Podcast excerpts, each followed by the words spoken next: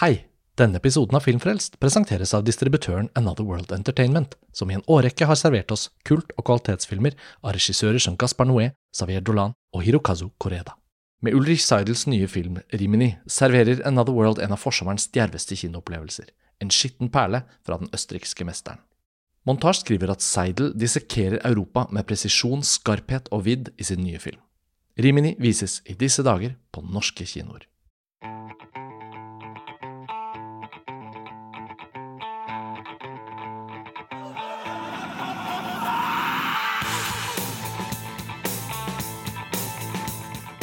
Hei og velkommen til en ny episode av Filmfrelst, podkasten til Montasj. Jeg heter Lars Ole Kristiansen og er fortsatt til stede i Cannes og sitter her sammen med Chloé Folkner, som er filmsjef i Filmklubbforbundet. Hei, Chloé. Hei, Lars Ole. Velkommen tilbake til Cannes. Tusen takk. Når var det du ankom festivalen? På torsdag, altså fire dager siden nå. Ja. Så du har allerede rukket å se ganske mye film, eh, i likhet med meg, som har vært der fra starten av. Og vi to er blant de ytterst få som sikret oss gullbilletten, eller vil si, jeg fikk gullbilletten til Martin Scorseses 'Killers of the Flower Moon' av dette av og til ganske frustrerende billettsystemet. Fordi at Scorsese eh, valgte at filmen ikke skulle delta i hovedkonkurransen, så ble det bare én visning, en gallapremiere, som da eh, innebærer at både Leonardo DiCaprio, Robert De Niro, Scorsese selv naturligvis, og en hel masse andre kjente folk fra både film- og musikkverden skulle inn i, i Lumière. En voldsom happening som hele Cannes var på en måte farget av den ettermiddagen, kvelden, natten. Det tok jo kjempelang tid å få alle de 2800 menneskene inn i Lumière. Og visningen ble over en time Nei, ikke over en time, litt under en time, men nesten en time forsinket. Uh, og filmen var jo i over tre og en halv time. Mm -hmm. uh, og det var veldig rungende, lange applauser. Bare hele seremonien mm. da de skulle ut av salen, var uh, Ja, altså, jeg satt Jeg så på klokken min og fant ut til slutt at ja, dette tok liksom nesten åtte timer. Ja. Altså, det var den syke kan-opplevelsen. Altså, det, det, det, er jo et kaos uten like. Det, det er liksom å stå inne i paleet der.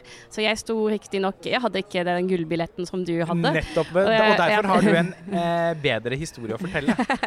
Nei, altså, jeg eh, hadde jo egentlig ikke regnet med å, å få billett til eh, denne veldig, veldig utsolgte visningen som alle skulle inn på.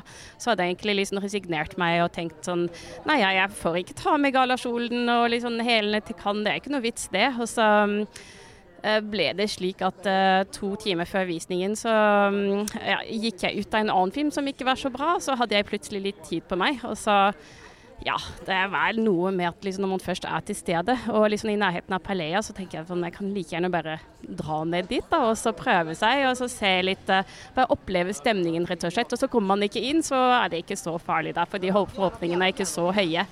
Uh, men så er det slik at uh, ja, med litt sånn høsling og litt sånn, uh, snakke litt fransk her og der og spørre vakter, og så finner man ut om litt sånn uoffisielle last minute-køer, da.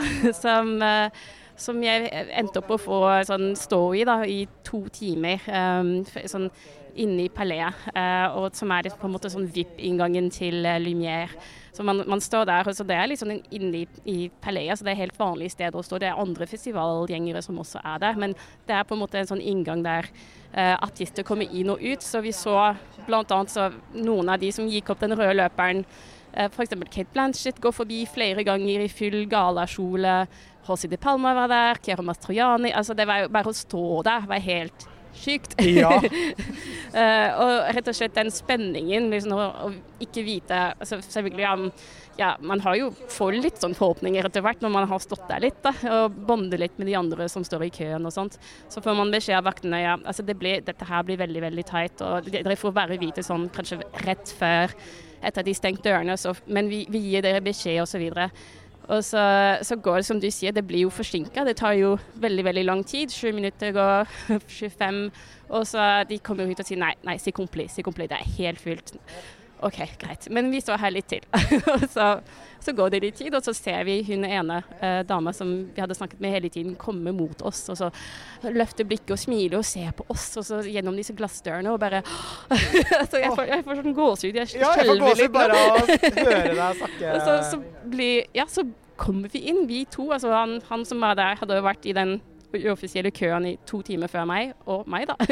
Uh, og blir geleidet inn i orkesteret. Så helt, helt liksom ned i orkesteret, ti rader foran Oh. Uh, Scorsese og DiCaprio og hele, hele den gjengen der. Oh. Altså, vi, ja, vi var så skjelvne. Altså, det er nesten så vidt jeg klarte å fokusere på filmen liksom, da vi først starta. Dette er bare Altså, så magisk kan kan være. Jeg er så glad for at du kom inn på visningen. Vi møtte deg jo ja. idet du skulle gi det et forsøk. Og jeg tenkte at det går sikkert ikke. Men du var liksom så lettsindig håpefull. Og jeg tenkte oh, that's the spirit. Og så gikk det. Og du fikk jo da selvfølgelig enda bedre plasser enn uh, en oss. Uh, vi satt oppe på balkong, men, uh, det, men, men vi var faktisk, jeg og Truls eh, Foss, vi var faktisk de aller første i køen for de som hadde fått billett. Så vi fikk jo så gode plasser på balkong som mulig, da. Så det var helt topp, det.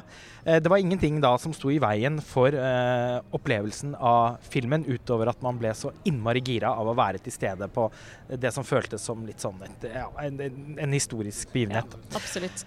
Men uh, la oss uh, starte med, med, med filmen. Hva, hva, slags film er dette her, uh, Chloé? Hva handler den om? Ja, altså dette er jo da um, en film som er inspirert av ekte hendelser, som foregikk da i USA på 20-tallet, nærmere sagt i Oklahoma.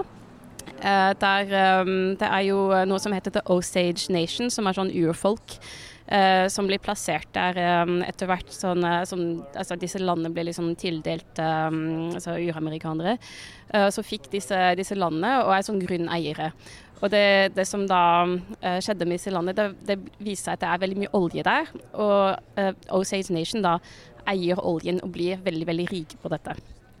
og så um, Dette er på en måte et sånn univers. Så det er en slags sånn Uh, USA 20-tallet, litt sånn, kanskje litt sånn grense til altså Det er uh, litt sånn westernaktig stemning, kan man si. Uh, og så um, Filmen starter med at uh, hovedpersonen um, Leonardo DiCaprio ankommer. Han er sånn krigsveteran. Han kommer med tog og skal jobbe hos uh, sin onkel, som er spilt av um, Robert De Niro. Og som er på en måte den lokale sånn magnaten, som er liksom han er sånn, hva, hva heter det, sånn cattle rancher, som eier uh, litt land, og er sånn veldig etablert og veldig sånn tilsynelatende veldig sånn god venn av um, altså Osage Nation-folkene som bor der. Han kan språket, han er liksom venn med liksom uh, stammesjefene og sånn. Så, og så er det etter hvert da, skal vi si, um, finner vi ut at det er veldig vanlig på en måte at sånn Eh, disse Osage Nation-folka eh, som som er grunneiere, som har veldig mye penger og arver mye penger, at de gifter seg på en måte med den hvite befolkningen. At det går litt sånn på kryss og tvers. Og at um, det er kanskje noe liksom Og det i tillegg, sånn, i tillegg til disse um, giftermålene rett og slett veldig mye mord. Det er død. Altså, det er mange Osage Nation-folk som dør, den ene til den andre. Uh, ofte litt sånn på mystisk vis, eller som blir liksom direkte liksom drept. Uh, åpenbart åpenlyst, da. Så det som er på en måte sånn uh, avdekkes etter hvert, er jo et slags sånn situasjon der eh, det viser seg at veldig mye av disse mordene på en måte er liksom instrumentelt eh, satt i gang for å overta eh, disse landene og, og, midlene og oljen som tilhører Osage Nation. Uh, og at veldig mye av dette her er knyttet opp mot de figurene, de hovedfigurene. da, uh, Leonardo DiCaprio og Robert De Niro.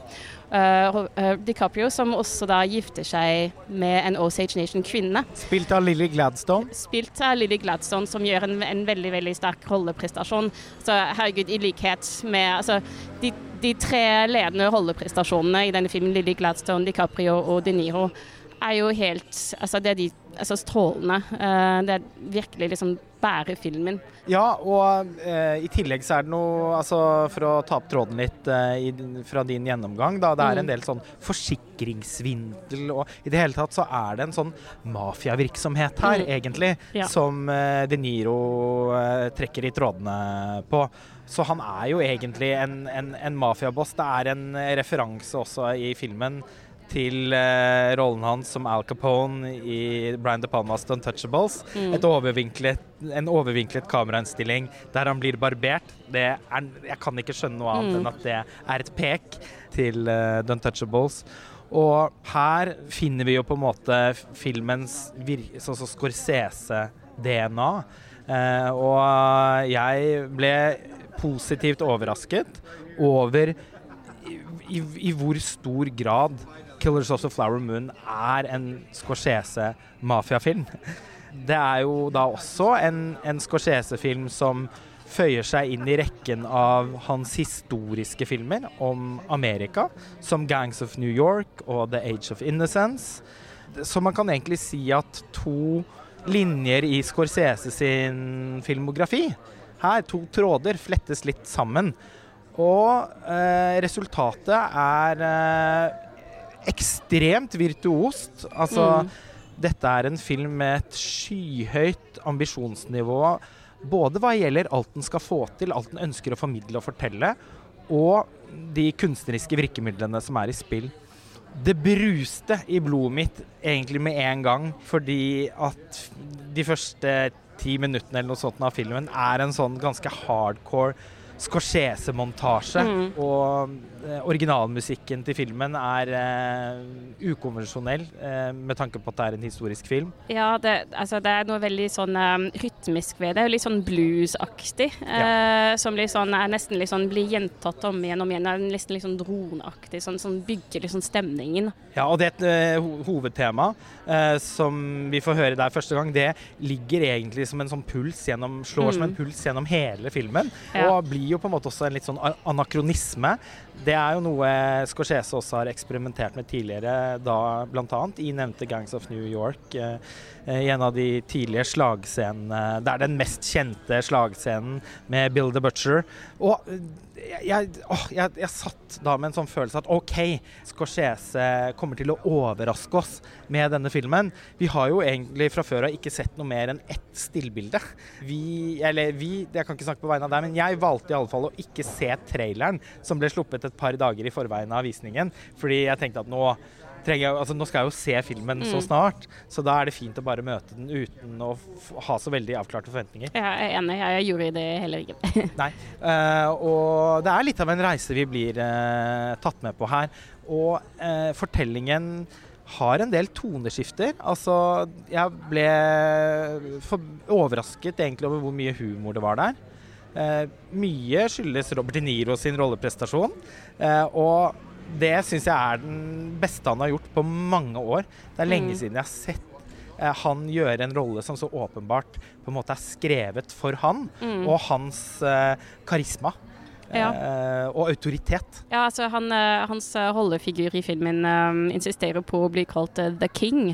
og jeg virkelig har det på en sånn utstråle den der Ja, som du sier, sånn autoritet. Men altså Robert Niro er veldig god til å nettopp skildre den, sånn, den typen eh, person som er veldig god på å presentere sånn eh, eh Skal vi si um, Robert De Niro er veldig god i akkurat den rollen, nesten som en sånn Tarantino-skurk. Som er sånn veldig sånn verbøs, som bruker språket til å manipulere andre mennesker og på en eh, tilsynelatende veldig sånn god måte altså, Han er veldig sånn velvillig og litt sånn overbærende og litt sånn fær figur for de andre. Og han vil bære det beste for alle sammen i det lokalsamfunnet. Ja, og er, er tillitvekkende, på en måte. Veldig tillitvekkende. Og inspir ja, inspirerer veldig mye sånn tillit hos de andre, i The Osage Nation blant annet. Da.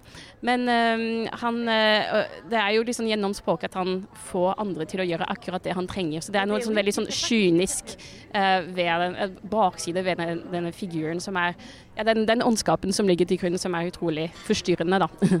og Lily Gladstone sin karakter, hun sliter med diabetes. Og ganske lange strekk, i alle fall i, i, første halvdel, så er jo også 'Killers of the Flower Moon' et slags ekteskapsdrama. Mm. Ja, fordi eh, det er jo slik at uh, DiCaprio-karakteren får etter hvert et lojalitetsdilemma, hvor det står mellom uh, altså hans ønske om å tilfredsstille onkelen og hans ektefølt kjærlighet til kona. Um, så, der er DiCaprio ekstremt ekstremt god til å, å skildre denne måte, denne, figuren som egentlig i utgangspunktet ikke ser, til, ser, ut til å ha veldig sterke moralske skrupuler. Til å bare gjøre på en måte alt han blir uh, bedt om å gjøre. Liksom, um, men som etter hvert altså, det må gå veldig langt før han endelig på en måte kjenner et eller annet form for sånn etisk dilemma og liksom innser på en måte hva, hva han har gjort. da. Ja, og DiCaprio sin rollefigur her er jo litt sånn enfoldig type. Ganske naiv. Eh, underkuet av sin onkel. Men og, og, har en væremåte som gjør at han er veldig enkel å manipulere. Mm. Og ha, han, han, fremstår rett og slett eh, som delvis en litt sånn landsbyidiot også, mm. selv om han blant enkelte er veldig fryktet fordi han tilhører den mektige familien. Eh, og det gir den karakteren en, en kompleksitet og et spillerom. Eh, som jo da også Leonardo DiCaprio utnytter til det fulle, da. Mm det er jo litt, litt, fascinerende å se på DiCaprios spill eh, og måten den, den, formen for selvbedrag som man uh, etter hvert på en måte blir nødt til å altså, til å ta overfor seg selv. Altså, og, og, for å fortsette å følge sin onkels ordre. Eh, den form for selvbedrag som der spiser han på en måte opp innenfra. Og, og, og se DiCaprio spille den litt sånn etter hvert litt mer sånn torturerte sånn skikkelse som, eh, er, som du sier, er veldig svak. Og så kan egentlig veldig lett sånn vippes uh, den, over til den ene, ene, siden eller den andre. Som på en måte vil gjøre det riktige, men ikke helt skjønner hva det er. Altså, det er en utrolig fascinerende rollefigur, egentlig. Altså, han, har jo, han, har jo, respekt og kjærlighet for, for, sin kone, og det er kanskje et av de lysere punktene i en ellers ganske sånn mørk film. Og øh, hun har en ganske tydelig autoritet i, i det hjemmet som han egentlig ikke utfordrer. Særlig da med tanke på liksom, den tidens kjønnsrollemønstre og sånn. Så han er ikke liksom et, et, et tradisjonelt familieoverhode. Det var veldig fint um, din oppsummering i stad, sånn, hvordan du plasserte denne filmen innenfor uh, Scorseses uh, filmografi. Um, jeg nevnte tidligere at um, den har på en måte sånn preg av å være sånn altså, referanse til westernfilmer, men først og fremst er det kanskje for meg uh, litt sånn en, en stor Hollywood-film som da er med i den lange tradisjonen av store Hollywood-filmer som avdekker de litt sånn mørkere sider av liksom amerikansk historie. Og liksom all den, den volden og det, det mørke som på en måte USA er bygd på. Uh, og, og, da er det på en måte en blanding av liksom, måte, grådighet og kapitalisme som som styrer den utviklingen og den åpningen mot Vesten. Som f.eks. Uh, eh, altså en, en, av de filmene som jeg tenkte på umiddelbart, var uh, 'There Will Be Blood', Paul Thomas Anderson, med, med dette sånn mørke, liksom på en måte sånn grådighet som er liksom hele tiden liksom driver handlingen fram. Og kanskje noe som er sånn Johnny Greenwood sin liksom score, som jeg, ja, jeg følte at det var noe sånn, noe parallelle der. Um, og denne frontier-tilværelsen, liksom, da. Um, og uh, en annen, kanskje en annen uh, referanse man kunne hatt, eller, angående dette på en måte institusjonaliserte ondskapen. Uh, og, og, er liksom, kanskje sånn Polanski, sånn, en film sånn som 'Chinatown', f.eks., mm. mm. hvor det er en slags sånn håpløshet. da, og sånn, det, er liksom, det er så mye sånn urettferdighet og vold og de, på en måte de, de, svakeste på en måte som allerede måte er liksom umyndiggjort, som bare blir liksom rett og slett uh, slett, utslettet og liksom tråkket på. Som, og det, den formen for liksom, ja, uh, den, rett og slett den mørke siden liksom, amerikansk kultur da, som, som kommer fram i, i sikkert mange flere filmer. Ja, og man ser jo at Scorsese ønsker at det i filmen skal vokse fram en uhyggelig logikk der penger rent faktisk er verdt mer enn mennesker. Og hvor flere og flere av rollefigurene blir liksom internalisert i den verdensforståelsen. det er noen ganske rystende scener etter hvert, hvor noen av hovedkarakterene snakker om dette som en slags endelig løsning. Mm. Altså at det er for sent å snu. Det er ikke noe poeng i å velge eh, barmhjertighet, fordi dette prosjektet er allerede så eh, omseggripende og eh, så tett opp mot å, å lykkes Mm. at nå er det bare det siste dyttet som skal til for at et nytt Amerika Mm. skal avtegne seg på, på kartet. Og jeg tenker at uh, det er på en måte uh, fortell, denne fortellingens omdreiningspunkt. Denne Mm. dype, mørke oljebrønnen av en sannhet. Mm.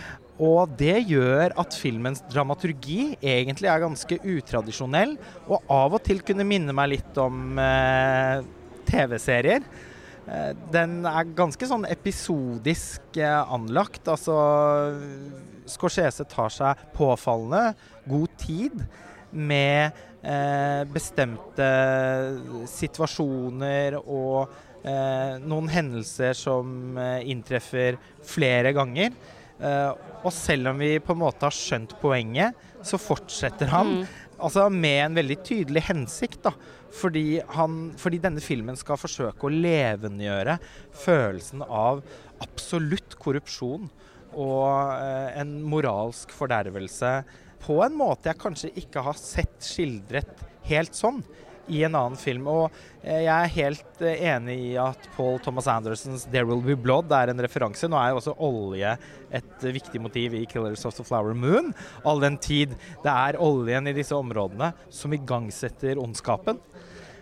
Men uh, 'There Will Be Blood' er jo i veldig stor grad et karakterportrett av Daniel Plainview, spilt av Daniel Day-Lewis. Og det føler jeg på en måte ikke helt at uh, 'Killers of the Flower Moon' er. Fordi den perspektivet er så bredt. Og jeg føler jo egentlig at vi kommer like tett på henholdsvis Lily Gladstones og Robert De Niros rollefigurer som Leonardo DiCaprio, som tross alt er en hovedperson. Og egentlig så er på en måte liksom ondskapens arkitektur her nesten eh, vel så spennende som hver og en av eh, e- disse enkeltmenneskene. Og det var for meg både et veldig fascinerende element ved filmen, men av og til også en liten svakhet. Fordi jeg opplevde kanskje at uh, jeg ikke ble så på en måte emosjonelt investert som filmen ønsker at jeg skal bli. Jeg vet ikke om du hadde det på samme måte?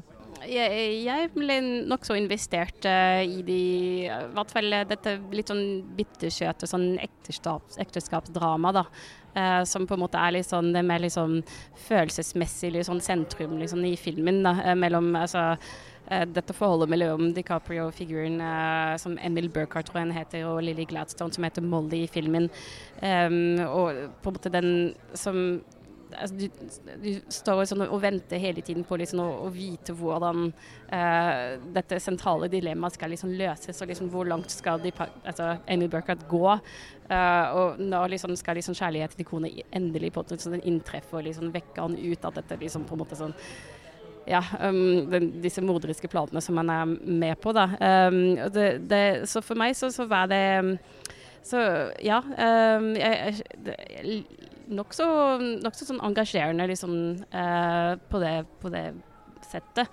Altså, vi, vi kommer også inn etter hvert på sånn, sånn rettssals... Eh, drama. Mm. altså, tankene går liksom umiddelbart tilbake til uh, Scorseses forrige film 'The Irishman', som også hadde sånn nok mye lengre i dette tilfellet eh, altså rettssalsdrama, på en måte sånn episode innenfor det store verket som 'The Irishman'. Og sånn sett, sånn, hvis du først skal liksom snakke om på en måte den eh, mer sånn episodiske strukturen, så syns jeg kanskje 'The Irishman' hadde litt mer sånn av en sånn TV på en måte preg, liksom, mm. hvert var litt sånn fortellmessig. At det var mye mer sånn, på en måte sånn strukturert etter kapitler. Mm. Mens uh, det var nesten som jeg, jeg skulle i The Killers of Tower Moon kanskje jeg skulle gjerne hatt sånn kapitler, rett og slett, litt sånn aktig. Litt sånn, ja. sånn tydelig. Ja, men jeg tenker at filmen ja. Eh, ikke hadde hatt vondt av eh, det. Jeg syns jo at Scorsese liksom setter i gang en sånn metronom som langsomt øker i intensitet, og som virkelig begynner å tuk, tuk, tuk, tuk, tuk, tuk, mm. tuk, den siste timen.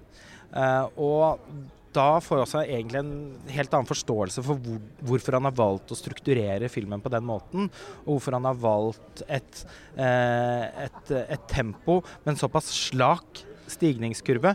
Men eh, eh, på en måte fra et underholdningsperspektiv så skulle jeg kanskje likt at den var litt strammere i fisken, da. Mm. Men idet Jesse Plemons uh, entrer scenen i siste akt, og det igangsettes en etterforskning, så eh, er jo det også ment å på en måte fortelle historien om hvordan FBI ble til.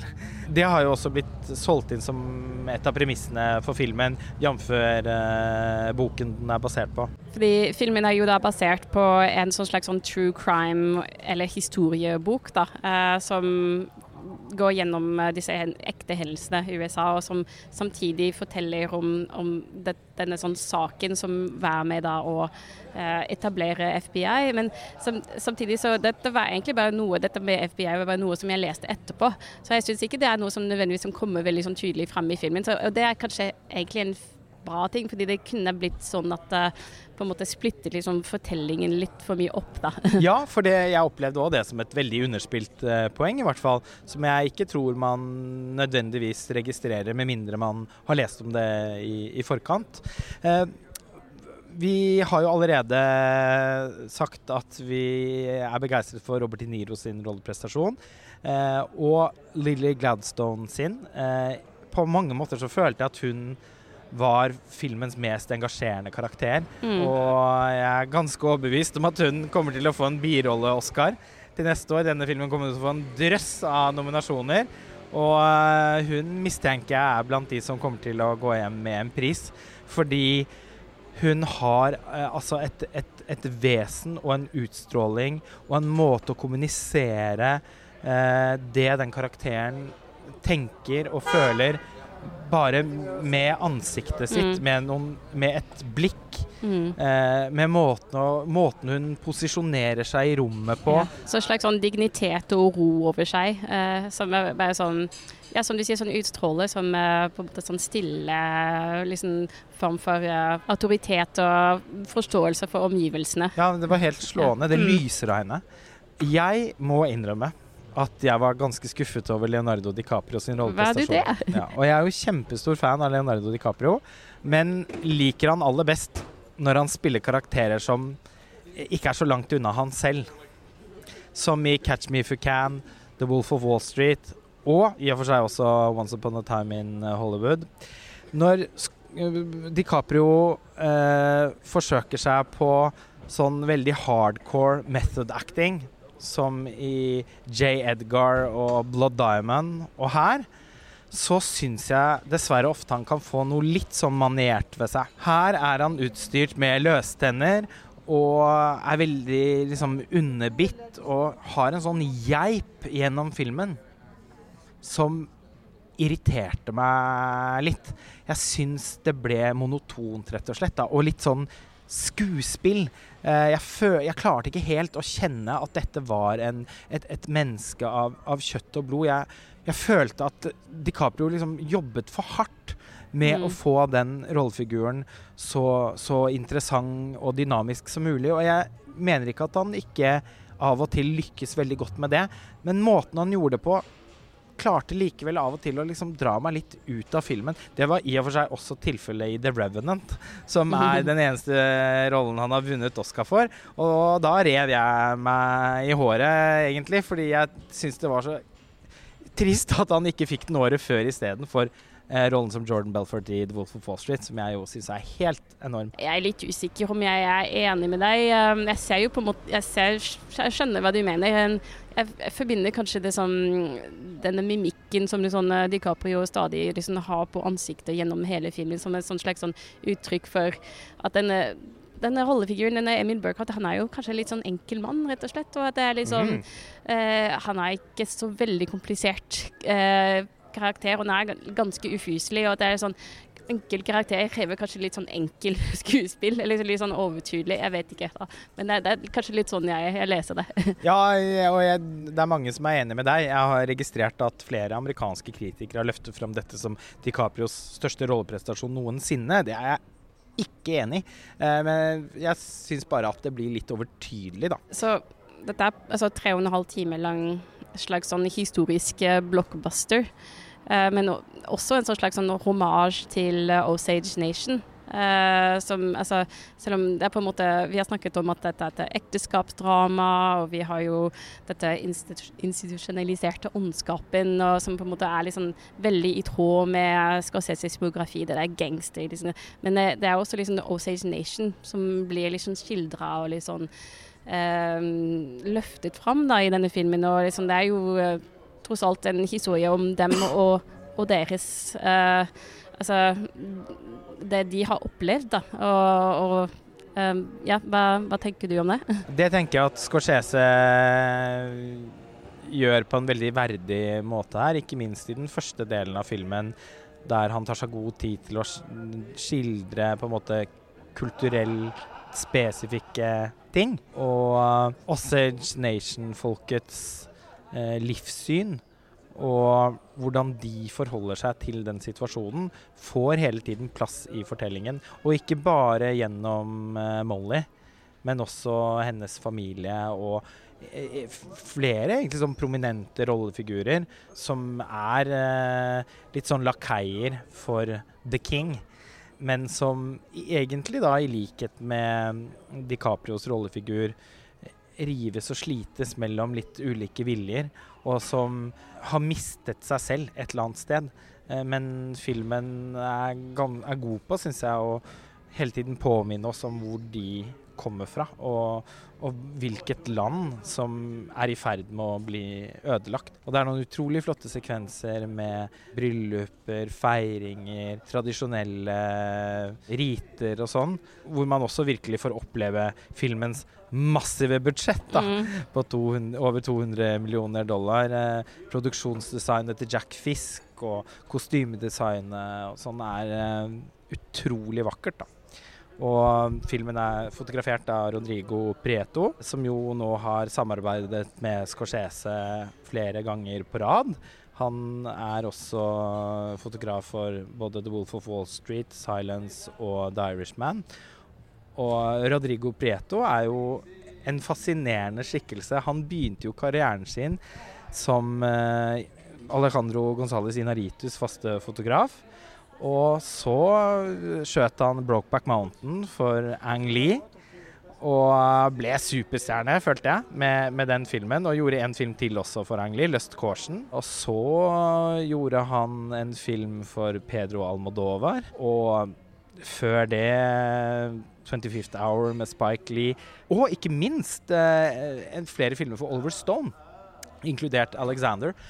Rodrigo Prieto var en fotograf som fikk ganske sånn tette relasjoner til mange filmskapere eh, i løpet av 2000-tallet, men som har landet hos Scorsese.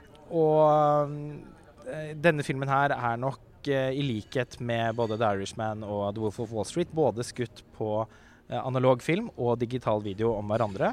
Eh, det er i alle fall et eh, veldig helstøpt uttrykk mm. som de har lyktes med å, å, skape her, og som i seg selv er så suggererende at det er utenkelig at noen ikke vil ha en stor kinoopplevelse. Og jeg, med 'Killers of the Flower Moon' er jeg veldig glad for at Apple Pluss som jo står bak eh, filmen, har eh, beslutta at den skal få en skikkelig kinorelease. Det er også årsaken til at den ble invitert med inn i hovedkonkurransen av Thierry Frumont. Først så ble den annonsert eh, som en film som skulle vises utenfor konkurranse, men idet Apple pluss, eh, eller Apple da, sa at de ville eh, At de eh, hadde tenkt til å ikke bare ha sånne Oscar-kvalifiserende kinovisninger som Netflix holder på med, men faktisk ha en skikkelig kinorelease, så sa jo Thierry Fremont at uh, filmen absolutt burde inn i konkurransen, men de må jo da åpenbart ha takket nei. Og det er jo da også årsaken til at den bare har hatt denne ene visningen. For hadde den vært i konkurranse, så ville den vært mye enklere å få sett. Ja, hadde den vært i konkurranse, så mener jeg at den ville vært uh, en ganske god gullpalmefavoritt, men sånn blir det ikke. Men er det 1985 siste gang uh, Scorsese var uh, i Cannes med en film? Jeg tror den siste gangen Scorsese var i Cannes var med 'After Hours'. Så det begynner jo å bli en del år siden. Han har vært gjest her uh, mange ganger etterpå. Jeg var på en masterclass med Scorsese her i 2018 i forbindelse med en visning av Mean Streets. og det var en stor opplevelse.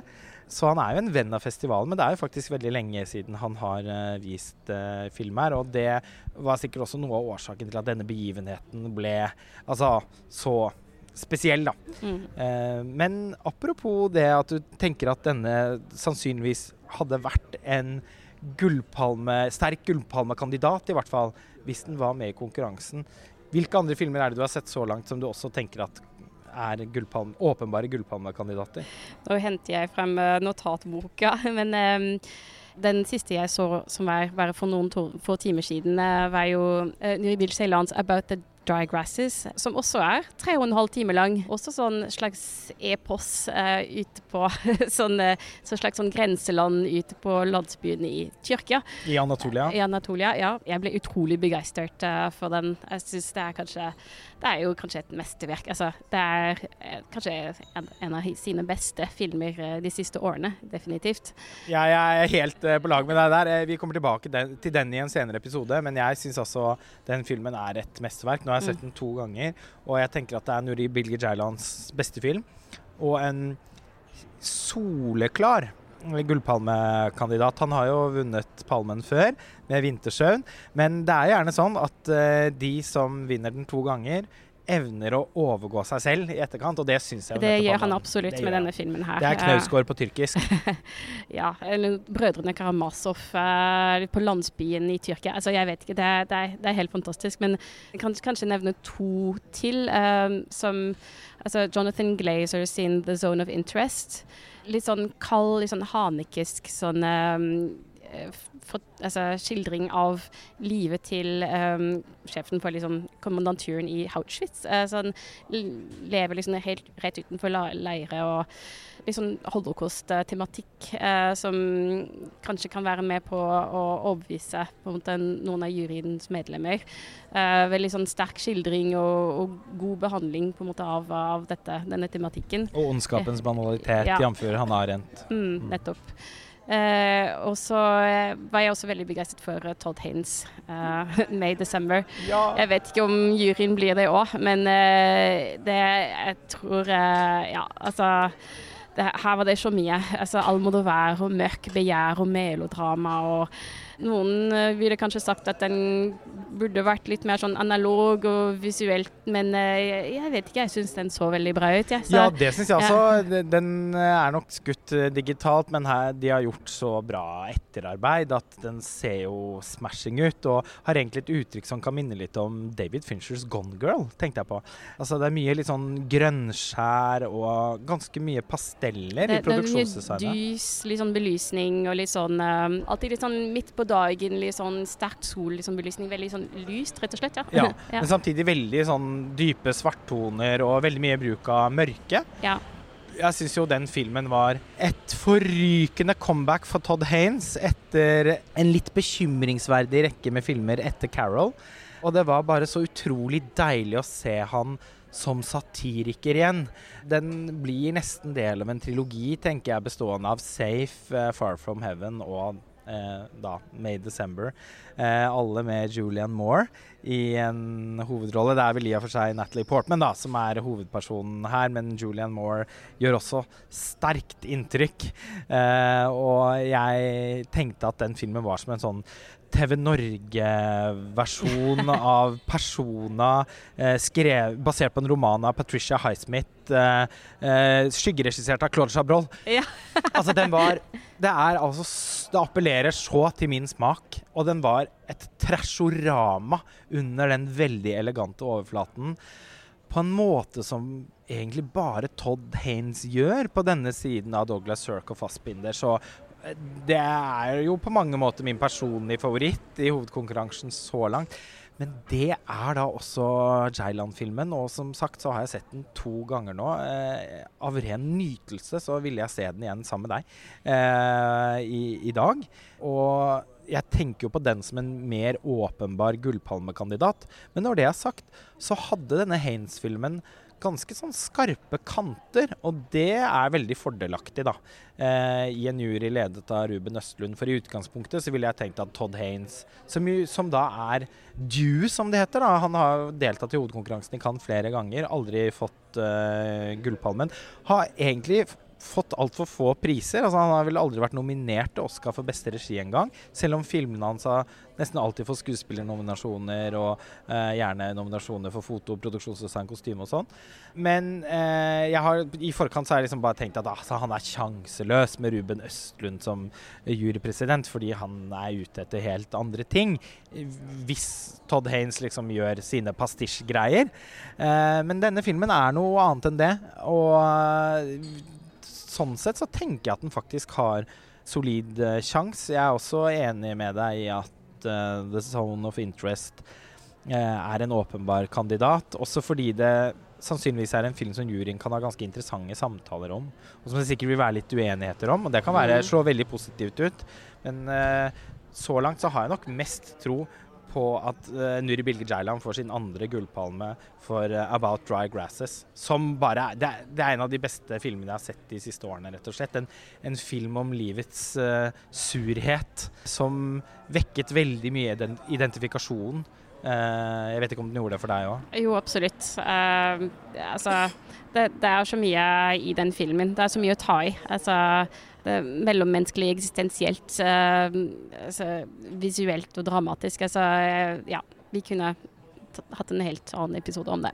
Ja, og det skal vi. Vi kommer tilbake til den filmen ja. Eh, senere i festivalen. Er det noe annet du har sett der, f.eks. i noen av sideprogrammene, som du kunne tenkt deg å løfte fram eh, mens vi har deg på lufta, Chloé? Jeg kan jo nevne veldig kjapt um, The Sweet East, uh, som jeg så ganske tidlig uh, under festivalen, og som uh, kanskje sånn, på det tidspunktet var litt sånn vanskelig å sammenligne med litt sånn noe annet, fordi som jeg hadde sett på en måte vanskelig å sammenligne med noe annen film film i det hele tatt, egentlig. Sånn, ikke bare under, under, festivalen. Altså utrolig sånn leken, frisk, uredd.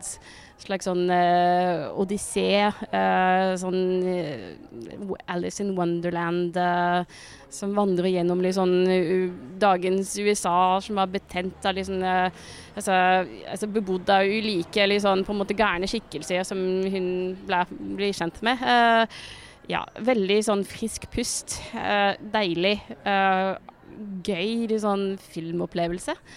Um, ja, så absolutt uh, en av mine favoritter på festivalen i år.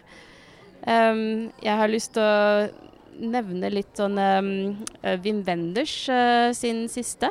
Um, han, Wim Wenders har kanskje ikke sånn vært veldig sånn uh, på en måte uh, Pekt seg veldig ut de siste årene med sine fiksjonsfilmer, uh, iallfall. Nei, altså, tvert imot. Jeg ja, føler at uh, det er innmari lenge siden sist han laget en skikkelig bra fiksjonsfilm. Så sånn sett så var kanskje forventningene sånn litt lave. mm. uh, så det, desto så på en måte hyggelig liksom, overraskelse å liksom, oppleve liksom, to timer med veldig sånn fornøyelig Altså, dette foregår i Japan, eh, i Tokyo i dag. Vi følger en litt sånn eldre herremann eh, som eh, hvis arbeid er å vaske doene i Tokyo. og han er liksom veldig sånn nøysommelig, litt sånn ryddig her og liksom følger rutiner. Og vi bare liksom på en måte blir med ham. liksom Kjører litt sånn gjennom Tokyo, går fra dass til dass og ser på disse fantastiske toalettene som de har. Da. Også, det er, det i seg selv, jeg har vært veldig mye i Tokyo og vet å sette pris ja. på den utrolige toalettkulturen kulturen som er der. Og det, det er jo en hel, en hel greie liksom, i, i, japansk kultur, har jeg forstått. Uh, men altså, filmen i seg selv er på en måte veldig sånn lavmalt. Uh, og så uh, det er jo på en måte noen små forviklinger her og der. Sånn, ting som røsker litt opp i hans litt sånn rutiner. Men det er aldri noe sånn veldig farlig. Altså, det var rett og slett sånn Ja, sånn veldig fin, sånn lyn og god, litt sånn menneskelig sånn uh, Ja, altså Jeg, jeg skal sitte der og liksom det, det, Jeg syns det Når man først liksom får en film som gjør at man kommer ut av kinosalen og får litt sånn Blir litt glad, så, så, skal man liksom sette pris på det, da. Så det er ikke så veldig kanskje ikke så mye av det. Litt sånne, som, ikke så, veldig mange sånne filmer jeg må, må se på festival, kanskje. Så. Nei, og det var ganske mye mørkt der Ja. eh, så langt. Dette var veldig oppløftende å høre. Jeg skal se den filmen først om noen dager. Og har egentlig hatt en litt god følelse bare fordi den er med i hovedkonkurransen og foregår i Japan. Og da har jeg tenkt at her må det være noe. Og eh, Wim Wim Wenders er jo Japan-hviter. Eh, har jo også tidligere laget eh, dokumentarfilmer i Japan. En fremragende film som heter Tokyo Ga.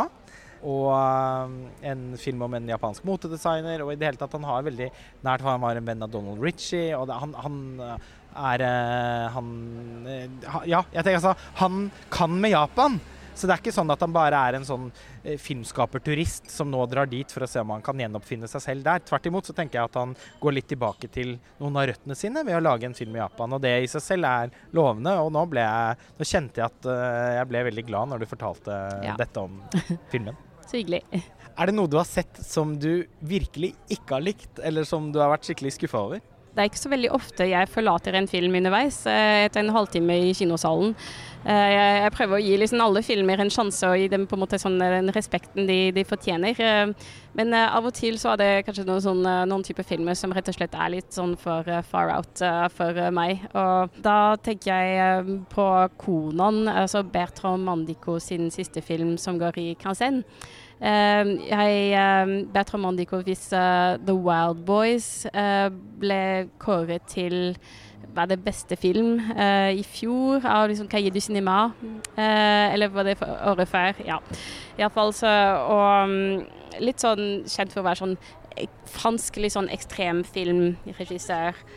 Eh, jeg gikk inn i salen og, og skjønte med en gang at jeg hadde sett noen kortfilmer av han tidligere, um, som jeg hadde syntes var eh, ganske morsomme som kortfilmer. Uh, litt sånn uh, crazy, teatralsk, absurd, uh, skeiv. Uh, liksom masse drag queens. Altså, på papiret sånn kjempegøy.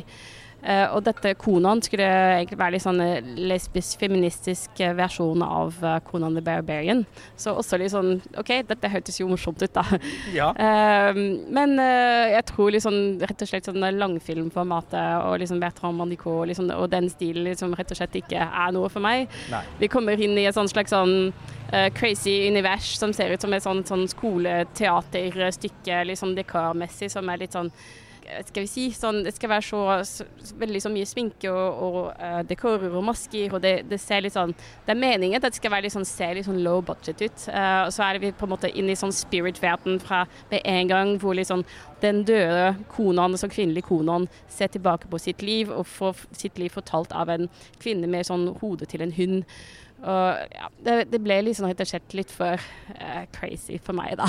Så, Ja, det hørtes ut som en ugjestmild kinoopplevelse. men uh, det, grunnen til at jeg Altså, etter at forlot salen, så hadde jeg plutselig to timer på meg, og det var altså grunnen til at jeg prøvde meg på Scorsese-visningen. Så det betalte seg, da. Så det Ja. var skjebnebestemt, Ja. rett og slett. Det var det.